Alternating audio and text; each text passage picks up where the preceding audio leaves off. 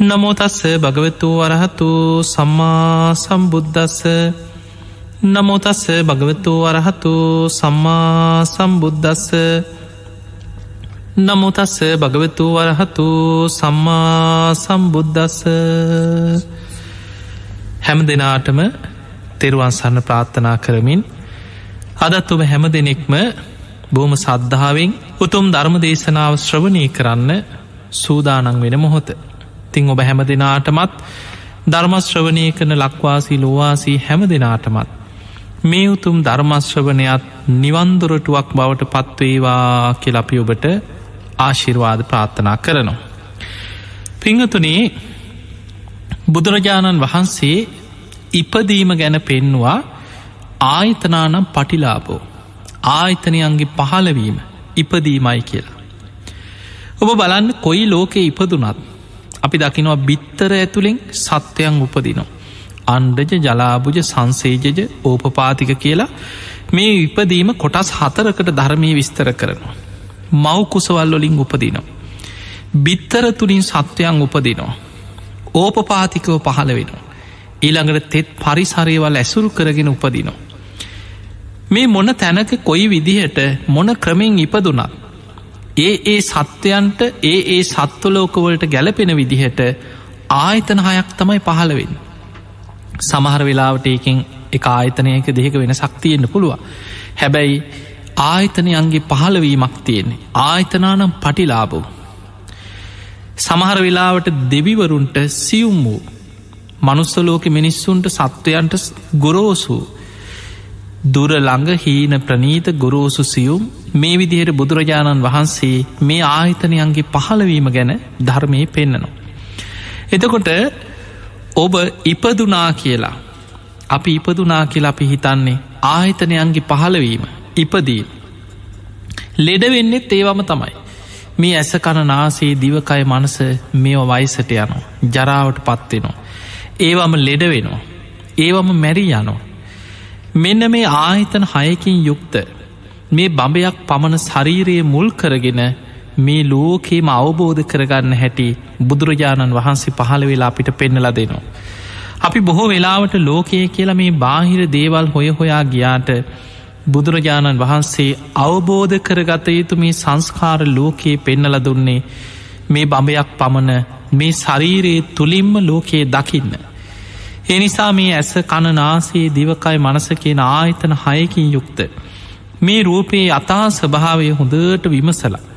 මේ ආයතන හය තුළ හටගන්න පංචු උපාදානස්කන්දය දුකක් වසේ හේතු නිසා හටගෙන හේතු වෙනස් වෙනකොට වෙනස් වෙලා යන ස්වභාවේ ඊළඟට යමක් අනිත්‍යනම් එක දුකයි යමක් අනිත්‍යනන් දුකනං එක මම මගේ මගේ ආත්මයයි කියලා මට ඕන විදියට පවත්වන්න බෑ මෙන්න මේ ස්වභාවේ මේ ආහිතන හය තුළ අවබෝධ කරගන්න පුළුවන්න අන්නයා දුකෙන් මිදෙන කෙනෙක් බවට පත්වෙනවා. අපි චුට්ටක් මෙන්න මේ කාරණා ගැන ධර්මානුකූලව තේරුම් ගන්න උත්සාහයක් ගම්. පිංහතුනි දවසක් බුදුරජාණන් වහන්සේ ස්වාමීන් වහන්සේලා පිරිසකට භික්‍ෂූන් වහන්සේලා පිරිසකට කමතක වගේ දහම් දෙසන ඔබ දැකළ ඇති වෙල්ලොල කමත් තියෙනවා. මේ ගොයන් කපලා මේ ගොයන් ගෙනහල්ල ගොඩ ගහන්නේ ඒවා පාහින්න මේ වගේ තැන්වල. දැන් කමතක් වගේ තැනක එලි මහනි බොහෝ භික්‍ෂූන් වහන්සේලා පිරිසක් බුදුරජාණන් වහන්සේ දහම් දෙසනවා. මේ භික්‍ෂූන් වහන්සේලාගේ අවධානය බුදුරජාණන් වහන්සේගේ දේශනාවටම යොමු වෙලා මේ ස්වාමීන් වහන්සේලා හොඳ අවධානින් බණහනෝ පන්සීයකට ආසන්න සඟ පිරිසක්. මේ ස්වාමීන් වහන්සේලාගේ විඤ්ඥානේ ධර්මාවබෝධයට නැඹුරු වෙලා ඉන්ද්‍රිය ධර්මයන් ධර්මාවබෝධයට සකස් වෙච්ච මොහොත. ඒ වෙලාවෙ පාපී මාරයා කල්පනා කරා තව සුළු මොහොතකින් මේ පිරිස මගේ වසගේ මිදෙනවා. කොහොමහරි මේ අයගේ අවධානය වෙනස් කරන්න ඕන කියලා පාපී මාරයා ඒ මොහොතේ ගොපල් එක් වගේ හරක් දක්කගෙන යන මේ හරකුන්ව ඇති දැඩි කරන හරක් ක්‍රංචුව පාලනය කරන ගොපල්ලො ඉන්න. මේ ගොපල්ලෙක් වගේ වෙස් මවාගෙන හැගි අර වෙල්ලොල තියෙන මඩටිකකු තැගේ තවර ගත්තා. කෙවිටක් අතට අරගෙන නියරදිගේ ඇවිල්ලා දැම මේ බුදුරජාණන් වහන්සේ අර පිරිසකට දහම් දෙසන වෙලා සාමාන්‍ය කෙනෙක් මොලයක් තියෙන කෙනෙ කර එක පාට මැදට පනින් නෑනේ දැම් මේ ආවේ අවධානය වෙනස් කරන්න ඇගේ මට තවරගෙන කෙවිටක් අරගෙන එක පාට ගොපල්ලෙක්ගි වෙස් මවාගෙන ඇවිල්ලා අර බණ කියන පිරිස අතරින් එක පාට්ට මැදට ඇවිල්ලා පිරිසගේ අවධානය වෙනස් වෙන විදිහට බුදුරජාණන් වහන්සේ දහම් දෙසනවා ධර්මාවබෝධයට නැඹුරු වෙච්ච හිත් ඇති භික්‍ෂූන් වහන්සේලාට. එක පාට මැදට ඇවිල් අහනවා මේ ස්වාමීනි මගේ හරක්ටික මේ හරියෙන් ගියාද කෙලැහුව දැන් අර පිරිස්සකගේම අවධානී එක පාට වෙනස් වෙලා ගිය. බුදුරජාණන් වහන්සේ අඳුරනවා. මේ හරක් හොයන්න දාව මේ කවුද? ගොපල්ලෙක්ද? මේ මාරයද? බුදුරජාණන් වහන්සේ වෙලාව කියනවා පාපී මාරය නුබට කොහෙන් දැහව හරක්? එහෙම කියනකොටව මාරයා මාව අඳුන ගත්තනේද කියලා වෙස්මවාගෙනාවට මාව අඳුන ගත්තා කියලා දැනගත්තා. ඒවෙලේ පාපි මාරයක් කියනවා ස්වාමීනී ඔබහන්සේ මේ පිරිසව නිදහස් කරවන්න හැදුනට මගෙන්නම් මිදීමක් නෑකිය. මේ ඇස මට අයිති දෙයක්. ඇහැට පේන රූප මටයිකි වයිති. ඒවට බැඳෙනවා කියන්නේ මට බැඳීගිය පිරිසක්. මේ කන මටයිකි වයිති. කනට ඇහෙන සබ්ද කෙලෙස් උපදින ඒව මට බැඳෙන දේවල්. මේ නාසේ මටයිකි වයිති නාසීට දැනෙන කෙලෙස් සහිත ගඳ සුවද ඒවට බැඳී යනවා කියන මටයි බැඳෙන්නේ ඒව මටයි අයිති. ඒවගේ මේ දිව මට අයිති දෙයක්. දිවට දැනෙන රස මටයිකි වයිති ඒවට බැඳිලා යනවා කියන්නේ තෘෂ්නාවෙන් මටයිකිව බැඳෙන්නේ. ඊළඟට යම් කිසි කෙනෙ මේ කය මටයිකි වයිති කයට දැනෙන පහසට බැඳෙනවන්නං මට බැඳෙන පිරිසක්. දැම මේ මාරය කියන්න. මේ මනසත් මටයිකි වයිති මේ හිතේ හටගන්න කෙලෙස් සහිත සිතුවිලිවලට බැඳිලා යනවා කියන්නේ මටයිකිව බැඳෙන් ඒ නිසා මගෙන් මිදන්න හිතුවට මේ කාටවත් මගෙන්නම් මිදීමක් නෑකි දැඟන්න මාරය කියනදේ මේ ඇස මටයිති දෙයක් ඇසට පේන රූප මටයි අයිති. මේ කණ නාසේ දිවකය මනස කියන ආයතනහය මටයි අයිති. ඒ ආයතනයන්ට ගෝචර වෙන රූප සබ්ද ගන්ධ රස පහස අරමුණු මේ මටයි අයිති. ඒවට බැඳිලා යනවා කියන්නේ මගේ වසගේ ඉන්න පිරිසක්. ඒ නිසා මගෙන් මි දෙන්න හැදුවට මේ කාටවත් නම් මගෙන් මි දෙන්න දෙන්නෑ කියව. එතකොට බුදුරජාණන් වහන්සේ පාපී මාරයට අර සඟ පිරිස ඉදිරියේම කියනවා මාරය ඒකනම් හරි කීව. මේ ඇස ඔබට තමයිකි වයිති. යමෙක් ඇස මම මගේ කියලා පිළිගන්නවද ඇසට පේන රූපවලට කෙලෙස් සහිතව බැඳී යනවද ඔබටම බැඳිලගිය පිරිසක් තමයි කිවයියයි. ඔබේ වසන්ගේ ඉන්න පිරිසක්. පාපී මාරය මේ කන කියන්නේ කෙලෙස් උන නොවුල් පතක් නාසය දිව ශරීරයේ මනසමී ආයතන හයම කෙලෙස් උන නොවල් පත්. ඒ ආයතන හයට එන රූප සබ්ද ගන්ධ රස පහස කියන මේ අරමුණු අපි වට කියෙන බාහිරායතන ආධ්‍යාත්මික ආයතන කියන මේ ඇස කණනාසේ දිවකයි මනස. ඇහැට ගෝචර වෙන රූප කනට ඇහෙන සබ්ද නාසයට දැනෙන ගඳ සූද දිවට දැනෙන රස කයිට දැනෙන පහස මනසට නරමුණු අපි වට කියෙන බාහිරායතන. එතකොට මෙන්න මේවට බැඳෙනවනං කෙලෙස් සහිතව මේ අරමුණ ඔස්සේ බැඳී යනවනං පාපී මාරය ඉතින් ඒ අය ඔබටම තමයිකි අයිති. එහෙම කියලා බුදුරජාණන් වහන්සේ වදාලා නමුත් පාපී මාරය මගේ ශ්‍රාවකයෝ මේ ඇසේ යථහස භාවය නුවනින් දකිනෝ. හේතු නිසා හටගෙන හේතු නැතිවෙනකොට නැතිවෙලා යන ඒ අනිත්‍ය වූ ධර්මතාවය ඇස තුළින්ම ප්‍රඥාවෙන් දැකළ අවබෝධ කරගත්ත පිරිසක්. මේ ඇස අනිත්‍යයි දුකයි අනාත්මයි කියලා අවබෝධ කරගත්ත මගේ ශ්‍රාවකයෝ ඇසට බැඳෙන්නෑ කියව. ඇහැට පේන රූපවලට බැඳිලා යන්නෙත් නෑ.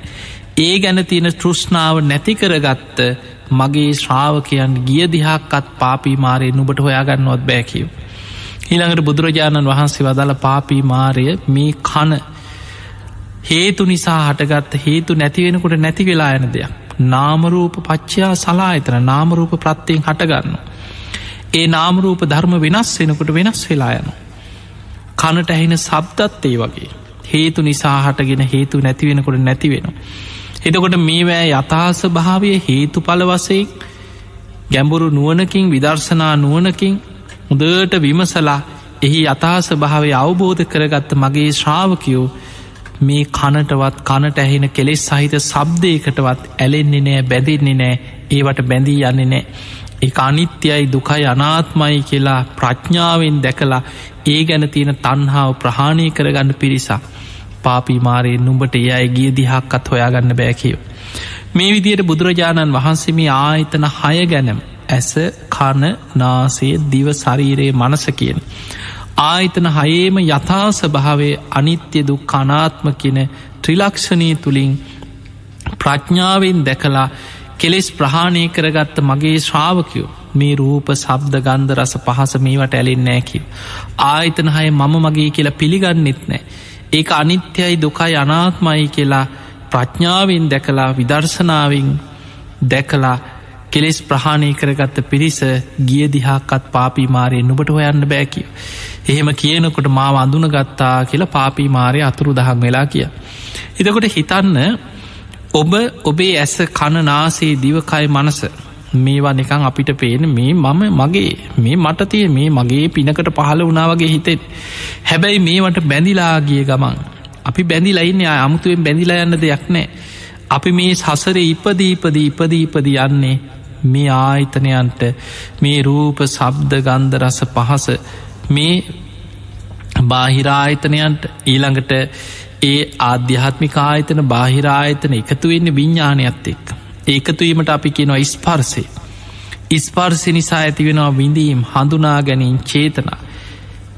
මේ ආයතන හය තුළම පංච උපාදානස්කන්දය හටගන්න. මෙන්න මේ පංච උපාදානස් කන්දේටයි බැඳෙන්නේ. මම මගේ මගේ ආත්මයයි කියල මේ පංච උපාදානස්කන්දී ගැන ආත්ම දෘෂ්ටියෙන් බැඳී යනු. එහෙම බැඳී ගියාට පස්සේ මාරයාට බැඳීගිය පිරිසක් බවට පත්වෙන්. එනිසා පින්වතුනේ අපිට ආය අමුතුේ මාරයට බැඳින්න දෙයක් නෑ බැඳිලම ඉන්න. ගැලවෙන්න උත්සාහ කරන්නට ඕන. බුදුරජාණන් වහන්සේගේ ධර්මය අපි අහන්නේ බණහන්නේ ඒ ධර්මයෙන් විමසන්නේ අනිත්‍යදු කනාත්මවසයෙන් විමසහිමස බලන්නේ ප්‍රඥාවෙන් දැකලා ඒ ගැන තියෙන ඇල්ම ප්‍රහාණය කරන්න හදන්නේ මාර වසගේ මිදෙන්නයි. මාරයාට බැඳී ගිය නිසා තමයි සතරාපාය මහගෙදර කරගෙන සංසාරය වැටි වැටි දිගින් දිගටම ගමන් කරන්න. ඒ නිසා තමයි මාරයා බුදුරජාණන් වහන්ස ඉදිරී පෙනීදල කියන ස්වාමීණී භාක්‍යතුන් වහන්ස මේ ඇස මම මගේ මගේ ආත්මයයි කියලා පිළිගන්නවනං යාට මගින් ගැලවීමක් නෑ කිය. ඇහැට පේන රූප කනට ඇහෙන සබ්ද නාසේට දැනෙන ගඳසුවද දිවට දැනෙන රස කයිට දැනෙන පහස මනසට එන කෙලෙස් සහිත අරමුණු ඒවෑ නිමිති සටහන් මතකතියා ගනිමින් එහෙමනි කෙනෙක් දැන් ඇහෙන් දකිනවා කෙලෙස් සහිත රූපයක්. එක්කො දැක්කල් ගමන් ඒ රූපයේ එක්කො සටහන එක්කො ඒක නිමිත්තක් කොටසක් හරි මතකතියාගන්න කෙලෙස් සහිත රූපය සිහිකර කර සිහිකර කර අර කෙලෙස් සුපද්දව කරන්න දැන් ඔබ හිතන්න ඔබට තේරෙන සාමාන්‍ය උදාහරණයක් හිතම්. රාග සහිත නිමිත්තක් මොකක් හරි රූපයක් හරි චිත්‍රයක් හරි මොනොහරි දෙයක් රාග සහිත දෙයක් ඇස් දෙකින් දැක්ක. දැම් මේ දැකපු දේ ඒක ඒ විදිහටම හිතේ සටහන් කරගන්න එක්කො ඒ දැකපු දෙයින් කොටසක් හරි මතක තියාගන්න. දැන්ගේ දැකපු දේ ඔබ සිහි කරන්න සිහි කරන්න නූපාන් රාගය උපදිනවා උපන් රාගේ බලවත්වෙනවා. මෙන්න මේක තමයි ආයතන හයින් කෙලෙස් උපද්ද උපද්දව සංසාරයට බැඳි බැඳී යන ආකාරය. නිමිති සටහන් වසයෙන් කෙලෙස් සහිත අරමුණු ඇහැට පේන රූපෝස්සේ මතකතියාගෙන යළි අලි කෙලෙස් උපද්ද උපද්දව යන ගමන. මේ ඇහෙම්ම දකිනව තරහකාරී. කවුරු හරි ඔබ ඔබට කේන් තියන්න දෙයක් කරනවා කියම එක් ඔබට මොනොහරි අතින් හරි මොනවාහරි ඔබ ගැන ඔබේ ඔබ පහත්වෙන විදිහට උපහසාත්මක හිනා වන හරි මොකක් හරි ඔබට රවලගේ හරි මොකක් හරිතන ඔබ ඇස්තකෙන් දකිනව කවරු හරි. දැන් ඔන්න දැකපු නිමිත්ත මතක තියාගන්න. එක්කෝ ඒක කොටසක් හරි මතක තියාගන්න. දැන්ගේ මතක තියාගත්ත දේ හිතන්න හිතන්න නූපන්දවේශය උපදින මේකා මට මෙහෙම කරා නේද කියලා හිතෙන්න හිතෙන්න සිහි කරන්න සිහි කරන්න නූපන්දවේශය උපදිනවා උපන්දවේශය බලවත්වෙන. කන ගැනත් එහෙමයි. කනට ඇහෙන සබ්ද කෙලෙස් සහිත සබ්ද තියෙනවා. කෙලෙස් සහිත අරමුණු තියෙනවා.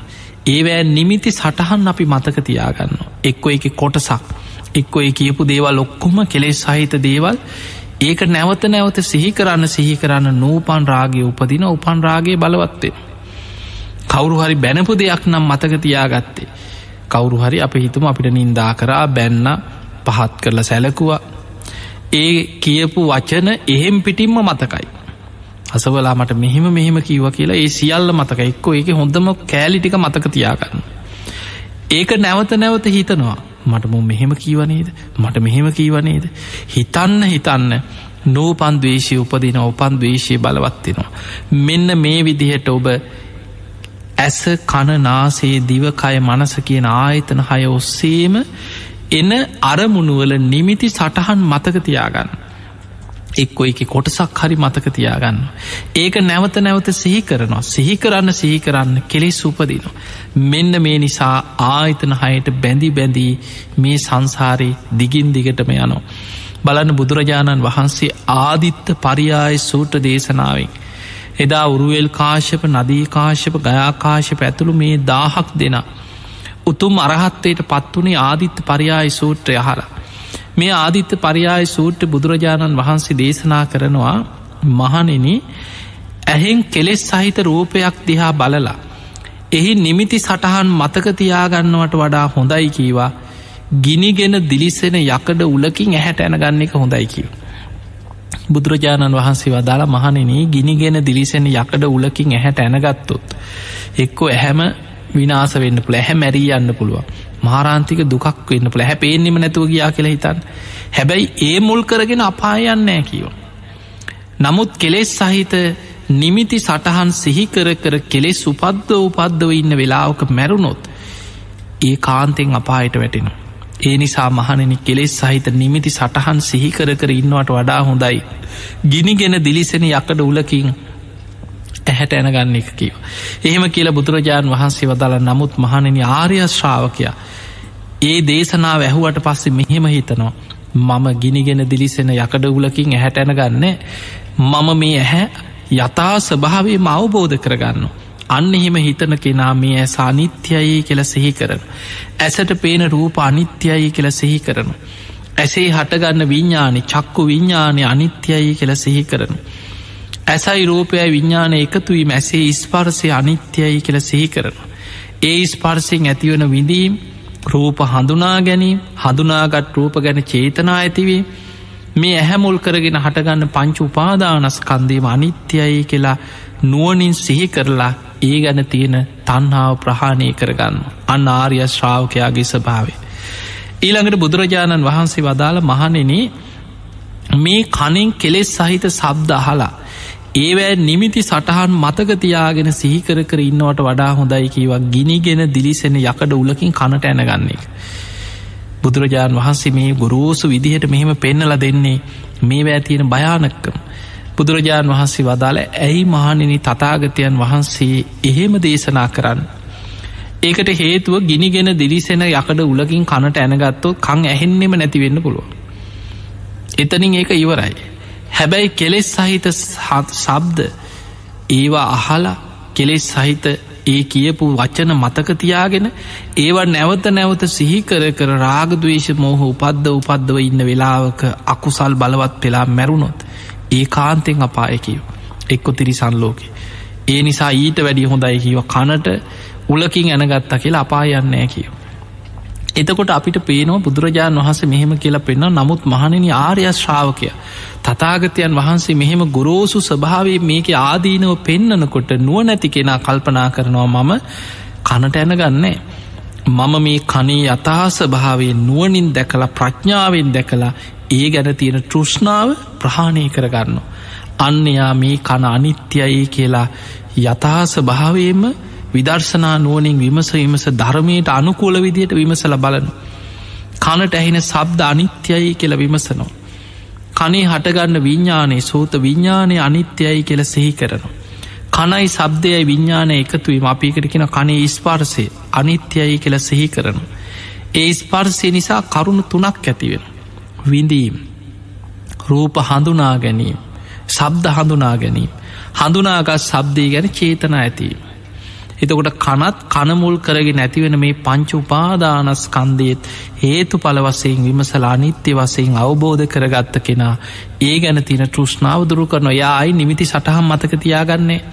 එය අවබෝධයෙන්ම කන ගැන අවබෝධ කරගත්ත කෙනෙ තන්හාාව ප්‍රහාණය කරගත්ත කෙනෙ බුදුරජාණන් වහන්සේ මේ විදිහට පෙන්නනම් මහනෙන නාසයෙන් ගඳ සුවඳ දැනගෙන ඒ දැනෙන කෙලෙස් සහිත ගඳ සුවඳ ගැන සිහිකර කර අකුසල් උපද්ද වනුවට වැඩිය හොඳයි කීවා ගිනි කෙන දිලිසෙන නියනකින් නහය රැහැගන්න කිය නහය කපාගන්න කිව.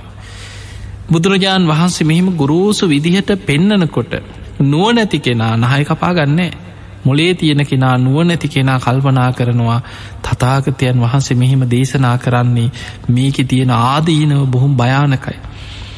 එයා මේ නාසේ ගැන කෙලෙස් සහිත නිවිති සටහන් මතක තියාගන්න නැති විදිහට ඒවා සිහිකර කර කෙලෙස් උපද්දව ගන්න නැති වෙන විදිහට එහි යථාස භාවය අවබෝධ කරන්න මහන්සිගන්න. අන්‍යයා මේ නාසය අනිත්‍යයි කියලා නුවනින් විමසනවා. නාසයට දැනෙන ගඳසුවද අනිත්‍යයි කියලා විමසනවා. නාසේ හටගන්න විඤ්ඥානය ගහන විඤ්ඥානය අනිත්‍ය වසයෙන් විමස විමස බලනවා. නාසයයි ගඳ සූදයි විඤ්ඥානය එකතුවීම අපි එකට කෙන නාසේ ස්පර්සය අනිත්‍යයි කියලා විමසනවා. ඒ ස්පර්සයෙන් හටගන්න විඳීම ඉස්පර්සයෙන් ඇතිවෙන ගඳ සුවඳ හඳුනා ගැනීම හඳුනාගත් ගඳ සූඳ ගැන චේතනා ඇතිවීම. එකැන නාසේ මුල් කරගෙන හටගන්න පංච උපාදානස්කන්දයක් තියෙන. ඒක තමයි දුක පංචුපාදානස්කන්දි සංකිත්තේන පංචුපාදානක් කන්දා දුක්කා. අන්නේ නාසේ මුල් කරගෙන පහළ වෙන පංචුපාදානස්කන්ද දුක ඒ අවබෝධ කර ගත යුතු දෙයක්. ඔබ දන්නවා චතුරාරි සත්‍යයේ දුක කියන්නේ අවබෝධ කරයුතු ආරි සත්‍යය. ඒ දුක අවබෝධ කිරීම පිණිස හේතු පල වසයෙන් අනිත්‍ය වසයෙන් දුක් වසයෙන් අනාත්ම වසයෙන් ගැඹුරු නුවනකින් විදර්ශනා නුවනකින් විමස විමස ප්‍රඥාවෙන් එහි අතාස භාවේ දකිනවා. අන්නයා ගඳ සුවඳ ගැන කෙලෙස් සහිත නිමිති සටහන් මතක තියාගන්නේ. ඊළඟට බුදුරජාණන් වහන්සේ වදාළ මහනෙනී දිවට රසයක් දැනෙනකොට කෙලෙස් සහිත කෙනා සාමාන්‍ය සාමාන්‍ය උබ හිතන්න කාපු වීපු දේවල් ගැන කොච්චර නම් මිනිස්සුව ගැන හිතනවද. ඒවා ගැන මතක් කියනකොටත් කටට කෙල උනනවා සමහරුන්ට කියන්න කලින් කෙල ඇවිල්ල ඉවර කටට.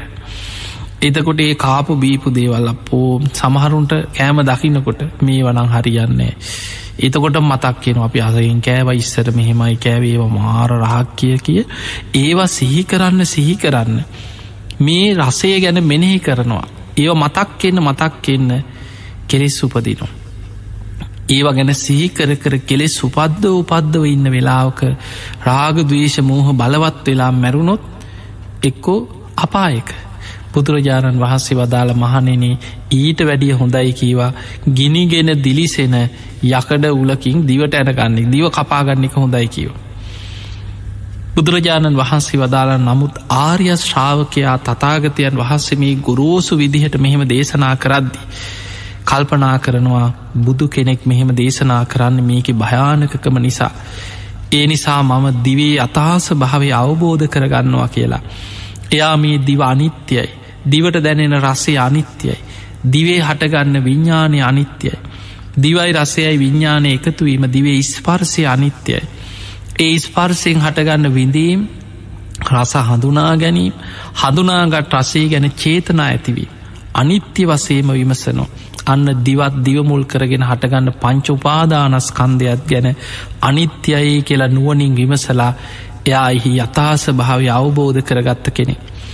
ඊළඟට බුදුරජාණන් වහන්සේ වදාළ මහනෙනේ කයට දැනෙන පහස කෙලෙස් සහිත අරමුණු මිනිස්සු කොච්චරනං කය මුල් කරගෙන පහස හොයාගෙන නොමග යනවද. ඒ කයිට දැනෙන පහසේ නිමිති සටහන් මතක තියාගෙන ඒවත් සිහි කර කරා කෙලෙස් උපද්දවන. ඒවා ගැන සිහිකර කර ඉන්න ඇද්දී මැරුණොත් අපායක කෙලෙස් බලවත් වෙච්ච වෙලාක මැරුණුත් අපායක බුදුරජාණන් වහන්සේ වදාළ මහනෙන. කෙලෙස් සහිත පහස ගැන හිතහිතා ඉන්නවට වඩා හොඳයි කීවා ගිනිගෙන දිලිසෙන වෑයකින් කය රැහැගන්න එක හොඳ මේ සම්පූර්ණ කය රැහැගන්න කිව ඒක සනී පයිකිව ඊට වඩා. දැන් බෑයකින් හරි ගිනිගෙන දිලිසෙන පිහියකින් හරි කය රැහැගත්ත කියලා එක්ක මැරෙයි. නමුත් කය රැහැපු නිසා පායන්නේ. බුදුරජාණන් වහන්සේ වදාළ නමුත් කෙලෙස් සහිත පහස ගැන රාග දවේශ මෝහ උපද්දෝ උපද්ව නිමිති සටහන් මතක තියාගෙන ඒවා සිහිකර කර ඉන්න ඇද්දි මැරුණොත් අපායක. මෙහෙම බුදු කෙනෙක් දේශනා කරනකොට ගොරෝසු විදිහට. ආර්ය ශ්‍රාවකයා කල්පනා කරනවා මම මේ කයි අතාස භාවය අවබෝධ කරගන්න මම කයිරැහැගන්න යන්නේ හැබැයි කය ගැන කයි අතාස භාවේ නුවනින් දකිනෝ අන්න එයා මේ කය හේතු නිසා හටගෙන හේතු වෙනස් වෙනකොට වෙනස් වෙන දෙයක් හැටියට අනිත්‍යයි කියලා නුවනින් විමස විමස කයි අතාස භාවේ මෙනෙහි කරනවා. කයට දැනෙන පහස ගැන ඊළඟට කයි හටගන්න විඤ්ඥානෙ කායි විඤ්ඥානය ගැන. කයයි පහසයි විඤ්ඥානය එකතුවීම කයි ඉස්පාර්සය ඒ තුළ ඇතිවන විඳීම් පහස හඳුනා ගැනීම හඳුනාගත් පහස ගැන චේතන ඇතිවීම.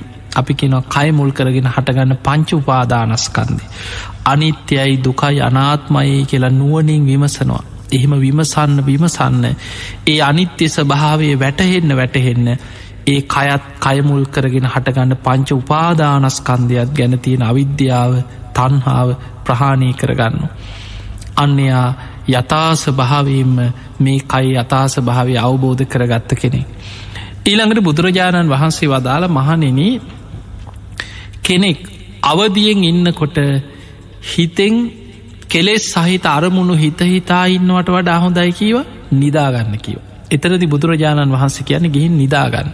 අවදියෙන් සිහිකර කර කෙලෙස් සහිත දේවල් හිත හිතා අකුසල් උපද්ද උපද්දව ඉන්නවට වඩා හොඳයිකව නිදාගන්න.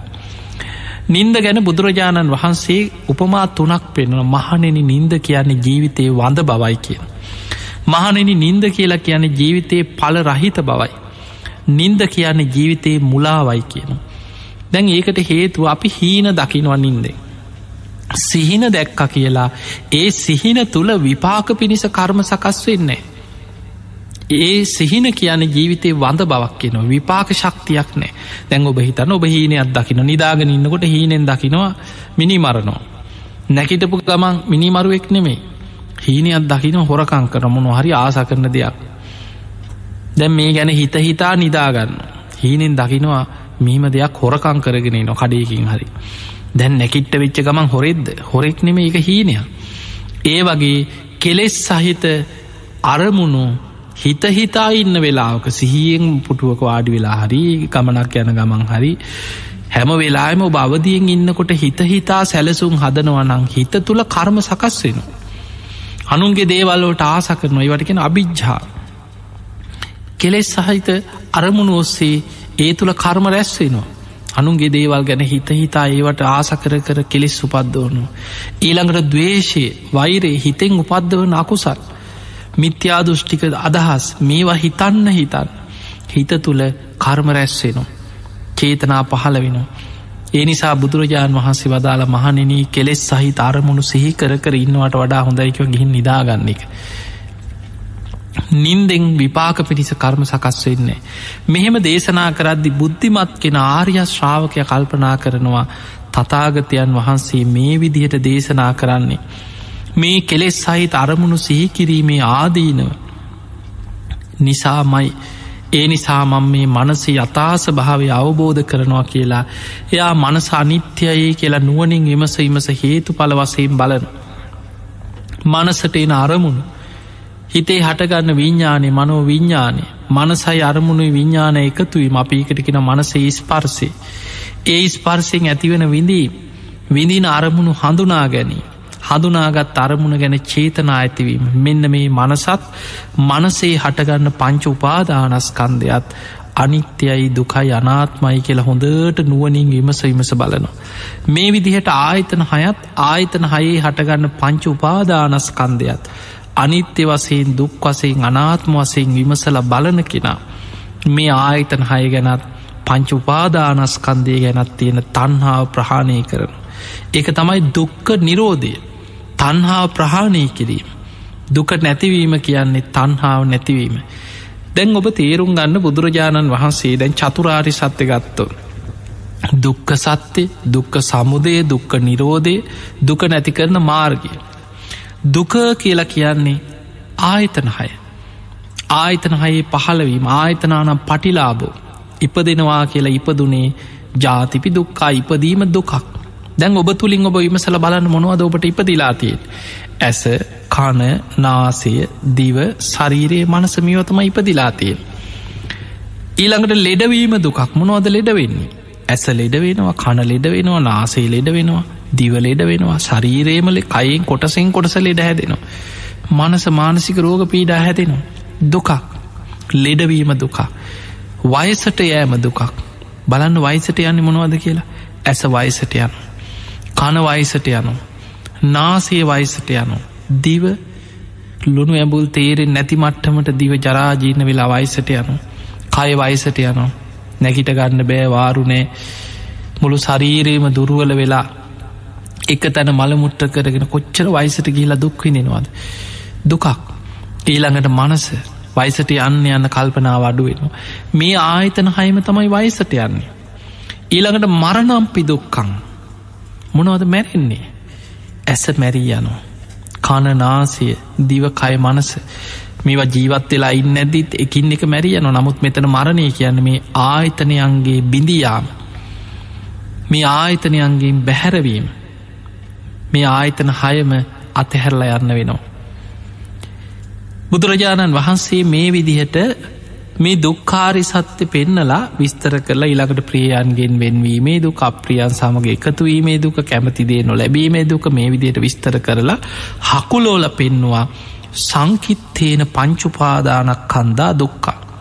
මහනිනි ශංශේපයෙන් ගත්තොත් හකුලවල ගත්තොත් දුක කියලා කියන්නේ පංචුපාදානස්කන්දේ. අන්න එහෙමනං ඒ පංචුපාදානස්කන්දය හටගන්නේ කොහෙද ඇසේ හටගන්නවා පංචුපාදානස්කන්දේ. කනේ හටගන්නවා පංචුපාදානස්කන්දේ. නාසේ හටගන්නවා පංචුපාදානස්කන්දේ. දිවේ හටගන්නවා පංචුපාදානස්කන්දේ කයි හටගන්නවා පංචුපාදානස්කන්දේ මනසේ හටගන්නවා පංචුපාදානස්කන්දේ. එහම නම් පංචුපාදානස්කන්දේ ඇතිවෙන්නෙම ඇස කණ නාසේ දිවකය මනසකින ආයතන හය තුළමයි. එහම නම් මේ ආයතන හයත් ආයතන හය මුල් කරගෙන හටගන්න පංච උපාදානස්කන්දයක් දුක්කාරි සත්‍යය ඒ තමයි දුක අවබෝධ කළ යුතුයි.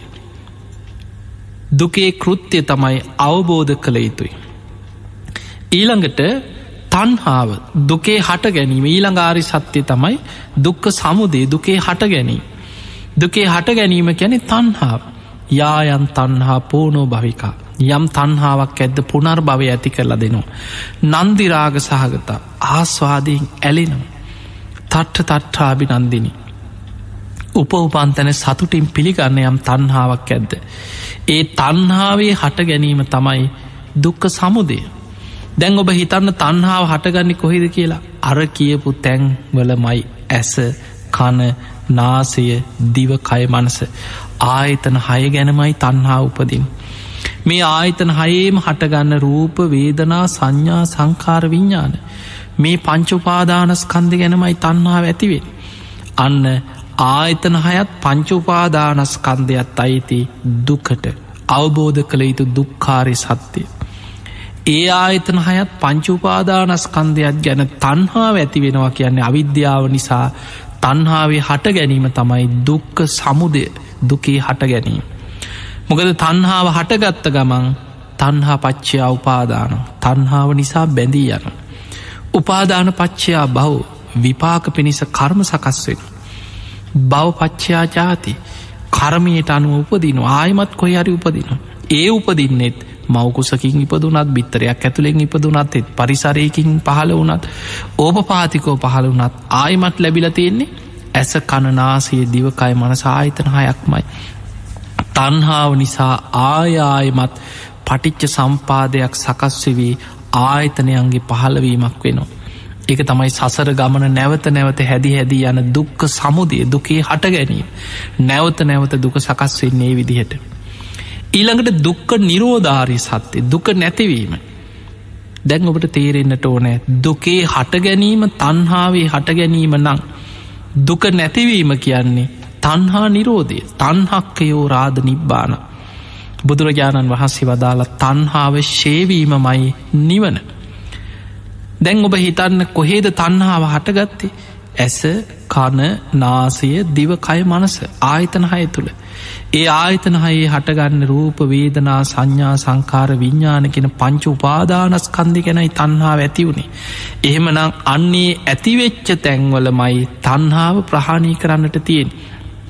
ඇස ගැන තියෙන තන්හාවයි නැති කරන්නට තියෙන. ඇහැමුල් කරගෙන හටගත්ත පංච උපාදානස්කන්දය ගැන තියෙන තන්හාවයි ප්‍රහාණය කරන්නට තියෙන. කන ගැන තියෙන තන්හාාව කනමුල් කරගෙන හටගත්ත පංචු පාදානස්කන්දි ගැන තියෙන තන්හාවයි නැති කරන්න තියෙන. නාසය ගැන නාසේ මුල් කරගෙන හටගත්ත පංචු පාදානස්කන්දි ගැන තියෙන තන්හාවයි නැති කරන්න තියෙන. බොයි විදිහට ඔබේ ඇස කණ නාසේ දිවකය මනස ආයතන හයත් ආයතන හයේ හටගත්ත පංච උපාදානස්කන්දය ගැනත් තන්හාාව නැති කරන්න නං ඒවෑ යථා ස්වභාවය යථා විදිහට දකින්න ඕනේ යථා ස්වභාවේ තමයි ඒ අනිත්‍යයි දුකයි අනාත්මයි තන්හාාව ඇති වෙන්නේ මේක නිත්‍යයි සැපයි ආත්මයි කියන අර මුලාව නිසා විද්‍යාව නිසා අපි දකින්නේ සංඥා විපල්ලා සත්‍යක අනිච්චේ නිච්ච සංඥ අනිත්‍යදේ නිත්‍යය කියලා වැරදි විකෘති දැක්මක් තුළ අවිද්‍යාවෙන් අපි එක දකින්නේ. දුක්කේ සුක සංඥි ඇත්තටම දුකක් වුණාට සැප සංඥාවෙන් අපි එක අවිද්‍යාව නිසා පිළිගන්නේ. අසුබදේ සුභ වසයෙන් පිළිගන්න. අනාත්මදේ ආත්ම වසයෙන් පිළිගන්න මෙන්න මේ වැරදි දැකීම අවිද්‍යාව නිසා තන්හාාව හටගන්නේ. ඒමනන් තන්හාාව නැති කරන්න නං ආයතන හයත් පංචුපාදානස්කන්දයක් ගැන තියෙන අවිද්‍යාව නැති කරන්න ඕන තන්හාාව නැති වෙන්නන. ඒ පිණිස තමයි මේ ආයතන හය අනිත්‍යයි දුකයි අනාත්මයි කියලා හේතු පලවසේ මේ හේතුව නිසා හටගත්ත මේ හේතු නැතිවෙනකොට නැතිවෙන. හේතු පලවසයෙන් විමස විමස බලන්න බලන්න ඒ ගැන තියෙන අවිද්‍යාව දුරුවෙන්. අවිද්‍යාව දුරුවෙනකොට තන්හාාව ප්‍රහාණය වෙන. තන්හාාව ප්‍රහාණයවීමම තමයි දුක්ක නිරෝධය දුක නැතිවීම නිවන. බුදුරජාණන් වහන්සේ නිවන ගැන පෙන්වේ යෝ තස්සායව තන්හා යම් තන්හාාවක් ඇද්ද. අසේස විරාග නිරෝධෝ. ඒ තන්හාාව ඉතුරු නැතුවම නිරුද්ධ කරන්න. චාගෝ පටිනිසක්ගෝ මුත්ති අනාලයෝ ඒක බැහැර කරනවා දුරු කරනවා ඒ ගැනති නැල්ම ප්‍රහාණය කරනවා. එතකොට මේ මොන වචනෙන් කීවත් තන්හා ප්‍රහාණය තන්හක්කයෝ තන්හා විශේවීම තන්හා ප්‍රහාණයමයි දුක්ක නිරෝධය. තන්හාාව නිරුද්ධ වෙච්ච ගමන් තන්හා නිරෝධා උපාධාන නිරෝධ. තන්හාාව නිරුද්ධ වෙච්ච ගමන් බැඳීයාම නිරුද්ධ වෙන බැඳී යන්නේ නැත්නං උපාදාන නිරෝධා භව නිරෝධ. විපාක පිණිස කර්ම සකස් වෙන්නේ නෑ ඒක නිරුද්ධ වෙන. කර්ම සකස්වීම නිරුද්ධ වෙච්ච ගමන් භව නිරෝධා ජාති නිරෝධ උපදින්නේ නෑ. කර්මයක් තිබ්බොත්නෙ උපදින්න. කර්මයක් සකස් වෙලා නෑ උපත පිණිස යලි. එතකොට ඉපදීම නිරුද්ධයි. ඒක බුදුරජාණන් වහන්සේ පෙන්වන රහතන් වහන්සේලාගේ ස්භාවය කීනම් පුරාණ. උන්වහන්සේලා පැරණි කර්මශ්‍යය කර. නවන් නත්ති සම්බවන් අනාගතයේ භවයක් පිණි සලුතෙන් කර්ම සකස් කරන්නේ නැතකොට උන්හසලට භවයක් හැදිලනෑ කර්ම සකස්වීමක් නෑ පෙරකර්මශ්ෂය කර අලුත් කර්ම සකස් කිරීමකුත් නෑ. විරත්ත චිත්තා ආයතිකයේ බවස්මි. ආයමත් භවයක උපතක් පිණිස විඤ්ඥානි පිහිටන්නේ ඒක හරියට තේකීන බිහිජා අවිරුල්හිච්චන්දා. බීජයක පැලවෙන ස්භාවින් නැති කරාවගේ. ඔබ හිතන්න මොකක් හරි මුං ඇටයක් මෑටයක් වී ඇටයක් මොනවාහරි පැලවෙන දෙයක් ඒක පැලවෙන ස්භාව අපි නැති කරනවා. අපි හිතම තම්බනවා. එක්කෝ මොනහරි කිරණයක් හරි අල්ලලා පුච්චල මොනවහරි කරලා මේක පැලවෙන ස්භාව නැති කරලා. හැබැයි පේන තියෙන වැටේ පේන තින හැබැයි පැලවෙන ස්භාව විනාස කරලා තියෙන අපි මේ බීජය දැම් පොළොවේ තියලා පස්වලින් වහලා පෝරදානවා වතුරදානවා හැබැයි පැලවෙන ස්භාවින් නැතිකරපු බීජයක් ආයි පැලවෙන්නේ තේකීන බිහිජා අවිරුල්හිච්චන්දා බීජයේ පැළවෙන ස්භාවි නැති කරා වගේ නිබ්බන්ති දිහිරා යථායම්පදීප හරියට තෙල් වැටි අවසන් වෙනකොට පහන නිවිලෑනවා වගේ එතනව නිවිලෑනවා. එතකොට තන්හාාව ශේවීමෙන්මයි ඉපදීම නිරුද්ධ වෙලා යන්නේ. තන්හා නිරෝධ උපාධාර නිරෝධ තන්හාාව නැතිවීමෙන් බැඳයාම නිරුද්ධ වෙනවා. උපාදාන නිරෝධා භව නිරෝධ විපාක පිණිස කර්ම සකස්වීම නිරුද්ධ වෙන. කර්මයක් නැත්නම් භව නිරෝධා ජාති නිරෝධ ඉපදීමක් නෑ. අයි මවකුසෙන් උපදින්නෙත් නෑ බිත්තර ඇතුළෙන් උපදින්න තැනකුත් නෑ. ඔපපාතිකව පහල වෙන්නෙත් නෑ තෙත් පරිසාරයෙන් උපදින්නෙත් නෑ. කර්මයක් තිබුණොත් තමයි උපදින්නේ. ඉපදීමක් නැත්නං ලෙඩවෙන්න වයිසට යන්න ජරාවට පත්වෙන්න කෙනෙක් නෑ. සෝක පරිදේව දුක්ක දෝමනස් උපායා සේව විඳින්න කෙනෙක් නෑ. ඉපදීම නැති තැන දුකෙන් මිදෙනවා. අන්න දුක්ක නිරෝධය නිවන. ඒ පිණිස තියෙන මාර්ගයේ තමයි ආර්යෂ්ඨායික මාර්ගය. එතකොට ඒ පිණිසයි බුදුරජාණන් වහන්සේ මේ සීල සමාධි ප්‍රඥාවනින් යුක්ත ආර්යෂ්ඨායික මාර්ගයක් තුළ මෙන්න මේ ආයතන හයත් ආයතන හයේ හටගත්ත පංචු උපාදානස්කන්දයක් ගැන ගැම්බුරු විදර්ශනා නුවනක් තුළ ප්‍රඥාවෙන් දැකලා ඒ ගැන තියෙන ඇල්ම ප්‍රහාණය කරගන්න මාර්ගයයි බුදුරජාණන් වහන්සේලා පහළ වෙලා අපිට පෙන්නල දීලතියෙන්. පිංහතුනේ ඒ නිසා මේ බඹයක් පමණ ශරීරයේ තුළ මුළු ලෝකේම අවබෝධ කරගත්තා වෙනවා. ඔබේ ඇස කණනාසේ දිවකය මනස කියෙන ආයතන හයත්. මේ ආයතන හය හටගන්න පංච උපාදානස්කන්දයක් ඔබ නිතර ධර්මාවබෝධයට අවශ්‍ය විදිහට නුවනින් විමසන්න පුළුවන්නක්. පිංහතුනී මේ උතුම් ධර්මය අවබෝධ කරගන්න කාරණා හතරක් අවශ්‍ය කරනවා. බාහිරින් ලැබෙන් ඕන කරුණු දෙකක් තියෙනවා. ඒ තමයි කල්්‍යයාන මිත්‍ර ඇසුරයි සද්ධර්මශ්‍රවනයයි. කල්්‍යයාන මිත්‍රයා කියන්නේ බුදුරජාණන් වහන්සේ. ඒ ධර්මය ඒ විදිහටම විකෘති කරන්නේ නැතුව තමන්ගේ මත ඇතුල් කරන්න නැතුව වචන කඩලා තමන්ගේ අදහස් දාලා ධර්මය විකෘති කරන්න නැතුව බුද්ධ වචනය ඒ විදිහටම කියල දෙන කෙනෙක් ඉන්නවනම් අන්න කල්්‍යයාන මිත්‍රයා. බුදුරජාණන් වහන්සේ සංයුත්ත නිකාය උපඩ්ඩ සූත්‍රය පෙන්වා මමංහි ආනන්ද කල්්‍යාන මිත්තා. තතාගතයන් වහන්සේ නැමැති කල්්‍යයාන මිත්‍රයා නිසා ඉපදීම ස්භාවය කොටගත් සත්‍යයෝ ඉපදීමෙන් නිදහස් වෙනවා. ලෙඩවීම උරුම කරගත් සත්‍යයෝ කල්්‍යයාන මිට්‍ර වූ තතාගතයන් වහන්සේ කරා පැමිණිලා ලෙඩවීමෙන් නිදහස් වෙනවා. ජරා මරණ සෝක පරිදිීව දුක්ක දෝමනස වූ උරුම කරගත් සත්වයන් කල්්‍යයාන මිට්‍ර වූ තතාගතයන් වහන්සේ කරා පැමිණිලා ජරා මරණ සෝක පරිදේව දුක්දම් නස්වලින් නිදහස් වෙන. එහෙමනම් කල්්‍යයාන මිත්‍රයාගේ කාරය තමයි ඉපදීමෙන් මිදෙන මඟ ජරා මරණ සෝක පරිදේව දුක්දොම් නස්වලින් නිදහස් වෙන මඟ පෙන්න්නනවනං අන්න කල්්‍යයාන මිත්‍ර. මේ කල්්‍යයාන මිත්‍රයාගෙන් අපිට සද්ධර්මස් ශ්‍රවණය ලැබෙන. ඒක බාහිරින් ලැබෙන අංග දෙකක්. කල්්‍යයාන මිත්‍රයන්ගෙන් සද්ධර්මය පිරිසිදු ධර්මය අහන්න ලැබෙන. හැබැයි මේ ධර්මය අවබෝධ කරන්න නං ඔබ තුළ ඇති කරගන්න ඕනෑ ඇසූ ධර්මය නුවනින් විමසීම ඒකට අපි කෙනවා යෝනිසෝ මනසිකාරය ඔබ දන්නවා මේ ධර්මී ගුණාතර තියෙනවා ඕපනයිකෝ මේ ධර්මය තමා තුළින් විමසල දකින්න තියෙන ඕපනයික කියන්නේ තමා තුළට පමුණවා ගන්නට ඕන තමා තුළින් දකින්න තියෙන එතකොට තමා තුළින් යෝනිසෝ මනසිකාරය දෙනවා කියන්නේ අහපු ධර්මයට අනුකූලව තමන් තුළින් විමසල බලනු. දැන් අපි ඇහුවන මේ ඇස අනිත්‍යයි කනානිත්‍යයි නාසයානිත්‍යයි දිවානිත්‍යයි කයානිත්‍යයි මනසානිත්‍යයි කියලා අපි බනහල තියෙනවා. දැන් අපි හිතුම අපි ඔහොම දේශනාවක් ඇහුව ඕන තරම ඔබ බණට හල ඇතිනි. අන්න බුදුරජාණන් වහන්සේගේ පිරිසිදු බුද්ධ වචනයක් අපි කල්්‍යයාන මිත්‍රයගෙන් ශ්‍රවණය කරා ධර්මී සඳහන් වෙන දේශනාව. අන්න අපිට කල්්‍යයාන මිත්‍රයන්ගෙන් සද්ධර්මශ්‍රවනය ලැබුණ. දැන් අපි යෝනිසෝ මනසිකාරයේ දෙනවා කියන්නේ ඒ ඇසූ ධර්මය තමා තුළින් විමසල බලනවා. ඇත්තටම මගේ ඒ අනිත්‍යයද. ඇත්තට මොය කියන විදිහට මගේ කන අනිත්‍යයද. මගේ නාසේ අනිත්‍යයද.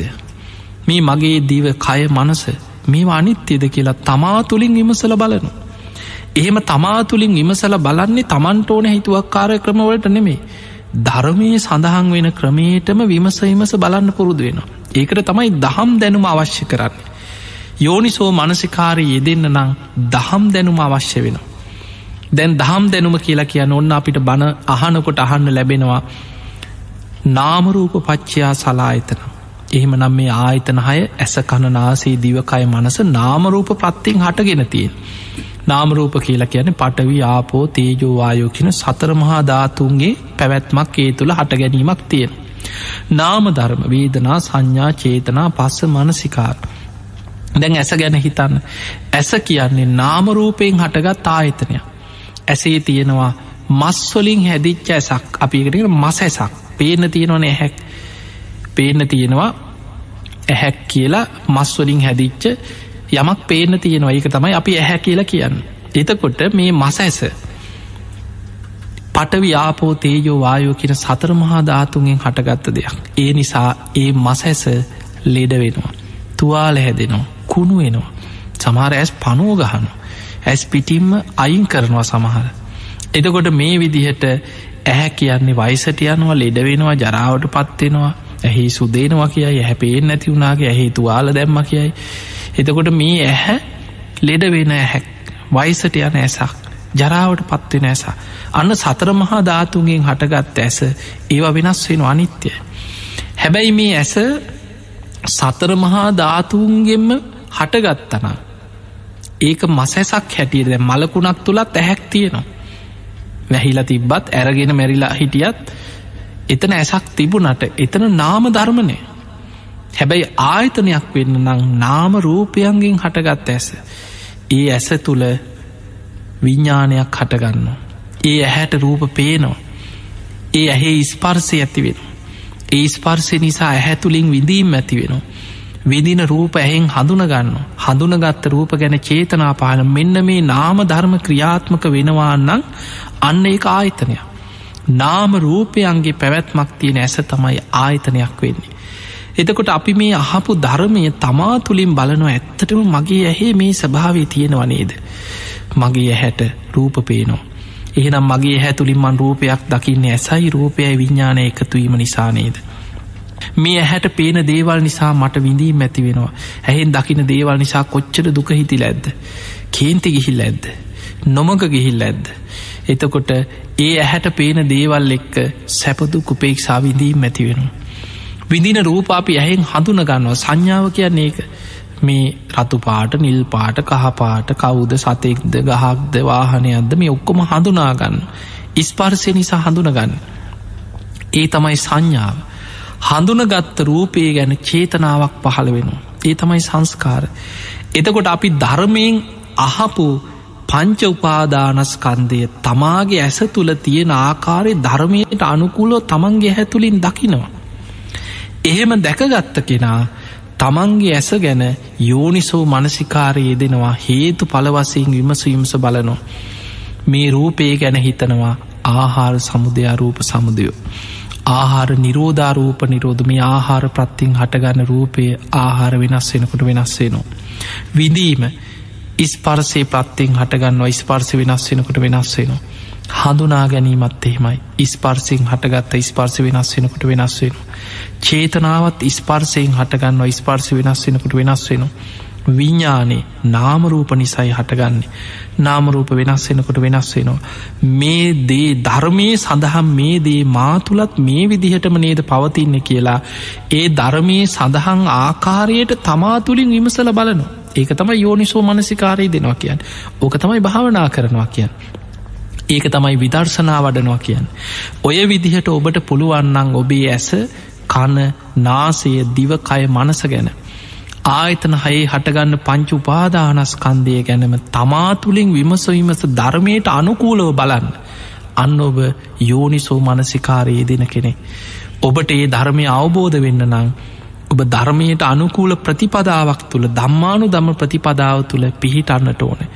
සීලේක පිහිටලා සමාධයක් වඩමින් ඒ ප්‍රඥාව තවදුරටත් ගැඹුරුයින් විදර්ශනා නුවනකින් තමා ගැනම තමාගේ ඇස කණනාසේ දිවකය මනස ගැන විමසල බලන්න පුළුවන්න.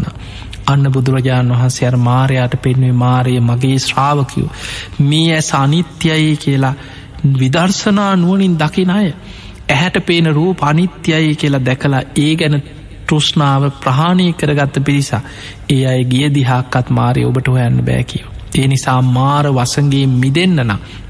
බුදුරජාණන් වහන්සේ පෙන්වේ මේ ඇස කණනාසේ දිවකයි මනසකින ආයතන හයත් ආයතන හය තුළ හටගන්න පංච උපාදානස්කන්දයක් අනිත්‍යයි දුකයි අනාත්මයි කියලා ගැඹුරු නුවනකින් විදර්ශනා නුවනකින් මෙනෙහි කරලා ප්‍රඥ්ඥාවෙන් දැකලා කෙලෙස් ප්‍රහාණය කරන්න දක්ෂවෙන්.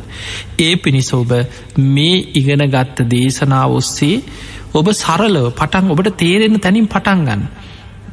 ගැඹුරට විමස් මේ ධර්මය ගැඹුර කරා යන්නේ අනුපුබ්බ සික්කා අනුපුබ්බ කිරිය අනුපුබ්බ ප්‍රතිපද පටන්ගන්නකොටම රහත්වෙනවා නෙමේ ක්‍රමානුකූලව නුවනින් විමස විමස තමාතුලින් මේ ගැඹුරු ධර්මය විමසීමස බලන්න. ඔබ නුවනේ තම තම නැන පමණින් පච්චත්තං වේදි තබ්බෝවින් ප්‍රඥාවන්ත කෙනා තම තම නැන පමණින් මේ අනිත්‍ය ධර්මය ප්‍රඥාවෙන් තමා තුළින්ම නුවනින් අවබෝධ කරගන්න. එනිසා මේ ගහම්බීර ධර්මය මේ උතුම් චතුරාරි සත්‍ය ධර්මය ඔබට ඔබේ ඇස කණනාසේ දිවකය මනසගෙන ආයතන හය තුළ මේ බඹයක් පමණ ශරීරයේ තුළින්ම ඔබට අවබෝධ කරගන්න පුළුව. ඒ පිණිස සද්ධර්මශ්‍රවනය අද ඕන තරන් ලැබෙනවා. කල්්‍යයාන මිත්‍ර සේවනය හොඳට තියෙන කාලයක්. පිරිසිදු ධර්මය ත්‍රිපිටකේ තුළ දහම් පොත්පත් තුළ අපිට ඕන තරන් ධර්මය හොයාගෙන යන කෙනෙකුට ධර්මයාද තියෙනවා. මේ උතුම් ධර්මය නිතර අහන බණ යෝනිසෝ මනසිකාරයේදිලා ඔබ තුළින් ගලපල බලන් භාවනාවකේ දෙෙන් යෝනිසෝ මනසිකාරයේදෙන් විදර්ශනා වඩන්